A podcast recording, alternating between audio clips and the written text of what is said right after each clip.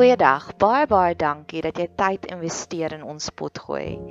Ek hoop werklik waar jou blydskapsvlakke verhoog terwyl jy hierna luister. Ek bid vir jou dat jy 'n straaltjie van hoop kan kry en ek bid dat dit 'n veilige hawe sal wees. 'n Sanctuary terwyl jy tyd spandeer hier op ons potgooi kanaal. Ons het 'n baie aktiewe sosiale media platform. Jy is welkom om ons te gaan opsoek op Facebook of Instagram en ons is op YouTube ook. Jy is welkom om kontak te maak deur enigiets van daai kanale. Bet Seber is ons naam. Dit staan vir huis vir huis van hoop. En ons geniet dit wanneer mense deel raak van ons gemeenskap. So indien jy enige op enige manier wil deel raak van ons gemeenskap, stuur asseblief vir ons 'n boodskap hê. Ons kom Vrydagoggende bymekaar en dan gee ons bietjie vir mekaar liefde, sissie liefde. Jy's welkom om deel te raak van ons gemeenskap deur om hierdie potgoeie te deel met jou vriende en familie of jy kan lekker kreatief raak om deel te raak van ons laat daai kreatiewe juices bietjie vloei. Ek het op nou onlangs gehoor van 'n ander potgooi kanaal wat vertel het die persoon het vir haar koek gebak om hulle verjaarsdag te vier. So laat jou kreatiewe juices vloei. Ek hoop jy geniet hierdie kuiertjie op ons potgooi kanaal.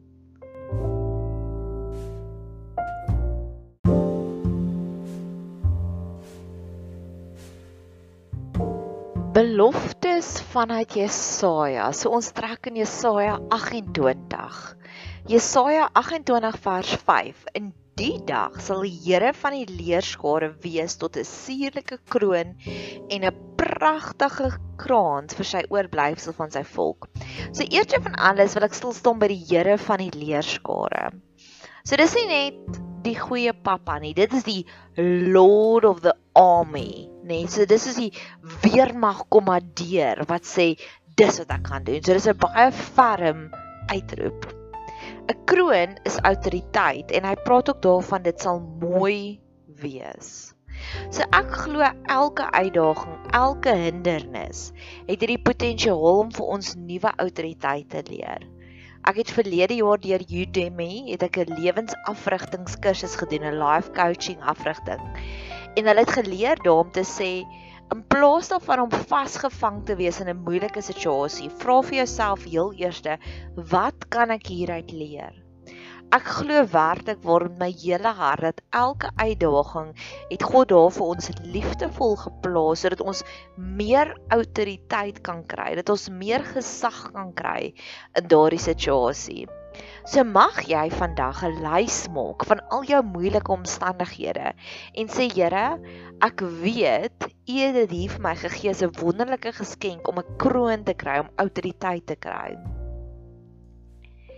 Ek is besig om deur die Times 100 most influential people mense te werk. En dit is my interessant, ek wil graag twee leiers uitwys. Eerste van alles die leier en die president van Taiwan. Dis 'n vrou, sy's in haar vroeë 60s en sy staan op teen China en sê sy gaan nie hulle bullying vat nie en ek love haar daarvoor. En sy het ook Taiwan baie goed bestuur. Hulle het net iets soos 850 positiewe COVID gevalle gehad en ek dink 16 sterftes. En hulle populasie is min of meer die helfte as Suid-Afrika se.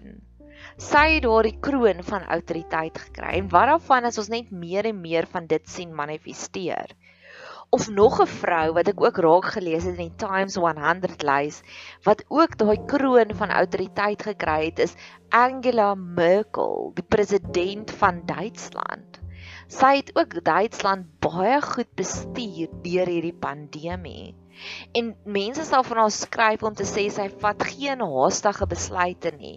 Sy vat en sy sit in sy top oor dinge en dan vind sy so die perfekte oplossing.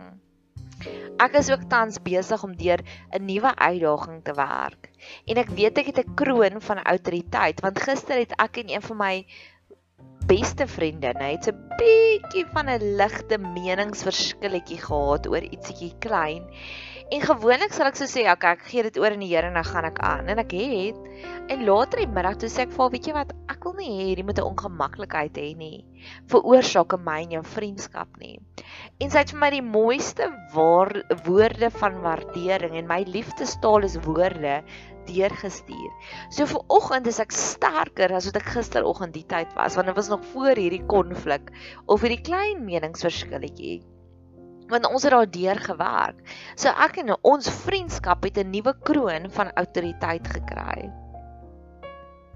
Die kroon van autoriteit het my laat dink Wat daarvan is ons gelowiges nog meer opstaan? Hiersoos dis 'n baie moeilike situasie tans in Suid-Afrika. Wat daarvan is ons nog meer hierdie kroon van autoriteit uitoefen? Verlede jaar toe president Cyril Ramaphosa die eerste inperking aangekondig het, het hy vir 'n nasie wye gebedsketting gevra.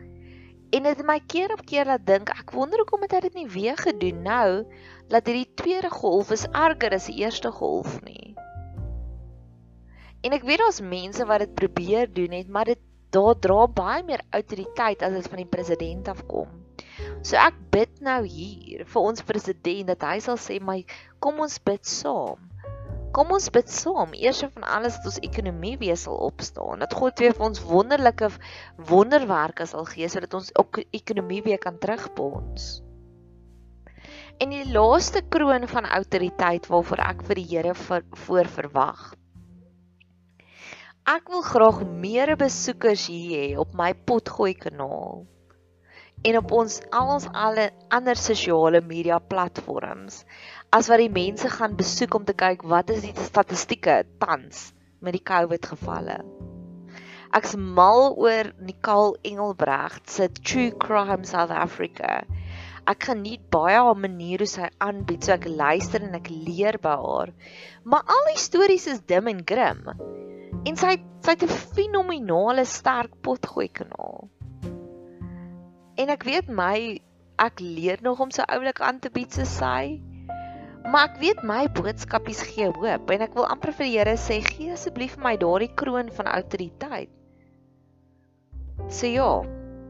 In die dag sal die Here van die leerskare wees tot 'n suurlike kroon en 'n pragtige krans vir die oorblyfsel van sy volk. Mag ons net daagliks meer en meer sulke autoriteit sien. Die volgende belofte Jesaja 28 vers 12. Hy wat aan julle gesê het, dit is die rus. Gee rus aan die vermoeides en dit is die verkwikking. Ek wil weer eens gaan stil staan dat God gee vir ons rus. God is soos 'n selfoon herlaaier of soos 'n speaker herlaaier. Ek het 'n baie oulike JBL speaker en so tussendeur hierdie podcast dan rus ek. Dit nie meer soos 'n to-do lysie klink nie en dan luister ek gewoonlik na al my voice notes, na al my stemboodskappe. Maar nou het hierdie het hierdie speaker het gesê sy is pap, ek moet haar asseblief herlaai. En ek glo dis by God waar ons ons batterye herlaai. So ek wil eers van alles vra, Here, gee asseblief vir my my rus. My klein breaks tussenin en laat daai rus asseblief produktief wees. God is soos 'n ontspannende, 'n relaxing sielsvakansie. Ek wil graag hê die Here moet my siel vat en my siel moet vakansie vat. Ek bid al vir maande vir 'n cabin in die Drakensberge vakansie en ek weet op die regte tyd sal die Here dit vir my gee. Of gisteraand het ek en my vriendinne bespreek dat ons 'n spa en ons wil moontlik soontoe gaan. God is soos 'n spa en ek wil graag hê hy moet my daardie ontspanning gee. Ek het ook al ervaar wanneer jy rus het by sosiale funksie, jy voel sommer word jou batterye herlaai. Versus ander kere wanneer jy na 'n sosiale funksie toe gaan of na 'n braai toe gaan en dan moet jy die hele tyd die situasie bestuur want dit is so toksies daar. Ek wil graag hê God se rus moet wees op al ons sosiale funksies ook. Ek wil graag 'n rus hê van drama. Iemand het in die week vir my gevra wat soek ek in 'n verhouding en ek soos ek kan vir jou sê wat soek ek nie. Ek soek nie drama nie. Ek wil graag rus hê van drama sodat my gedagtes positief en vol hoop kan wees. Verlede jaar het ons het my vriendekring het een van my vriendinne vir ons elkeen so klein botteltjie body oil gegee en sy het gesê gaan bad in dit want dit is baie lekker. Ek is op soek na meer tools, meer bruikmiddels, gebruiksmiddels wat die Here vir ons kan gee van hoe om meer te ontspan. So Jesaja 28. Die eerste een is daai kroon, daai autoriteit wat God vir ons beloof. En die tweede een is die belofte dat hy is vol rus. Want ek het al gesien wanneer ek uitgerus is en hoë energievlak het, is dit vir my baie makliker om die duiwel te te staan. Dis juis wanneer ons moeg is, wanneer dit vir ons moeiliker is om ons gedagtes gevangene te hou. So mag God vir ons rus gee. En vanoggend is dit Vrydagoggend en ek's baie ernstig oor my naweek. En verlede naweek het ek nogals 'n uitdagende naweek gehad. So Ek is 'n bietjie agter met my hoeveelheid rus. Mag ons net meer en meer rus kry en mag God ons leer hoe om te rus.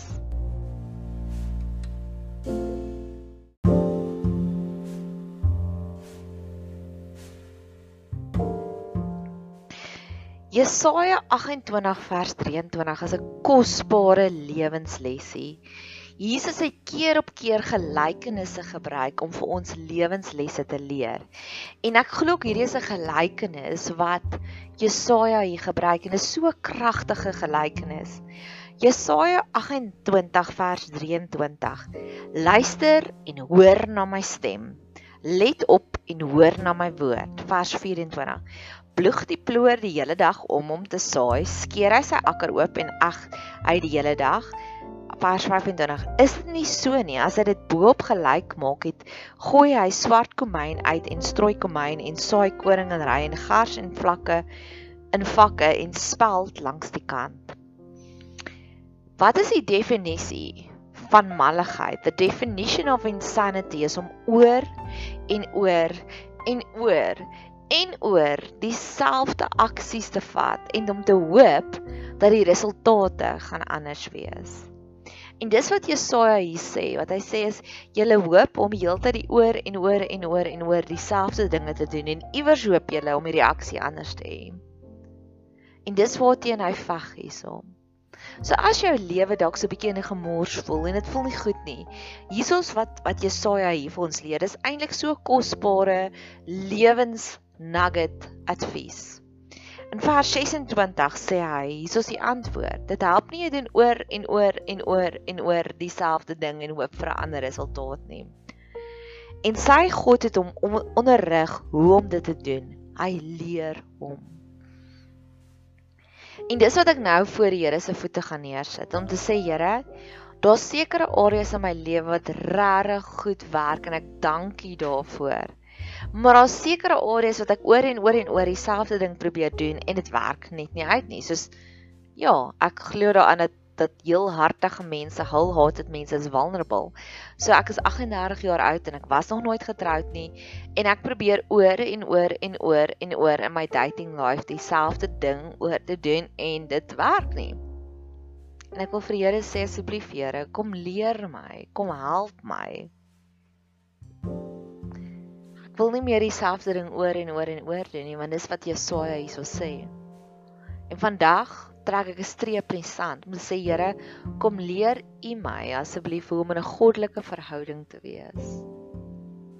Of een van my ander gebede is ook Here, ek wil die diep spore loop in mense se lewens. Gisteraand het ek 'n storie gehoor van oorvol begrafnisse, begrafnisse voor die inperking. En ek wil graag sulke diep spore in mense se lewens stap. So help my asseblief daarmee. Wat is die dinge in jou lewe wat jy oor en oor en oor dieselfde ding doen? En elke keer hoop jy dis 'n ander resultaat en elke keer is jy teleurgestel. Selfs in sulke oomblikke het Jesaja vir ons hoop. So dis Jesaja 28, die beloftes vanuit Jesaja 28. Autoriteit wat ons sal kry. God gee vir ons rus. En insanity is om dieselfde ding oor en oor en oor te doen versus om te sê Here, ek weet nie. Help U my. Mag jy 'n geseënde dag hê verder.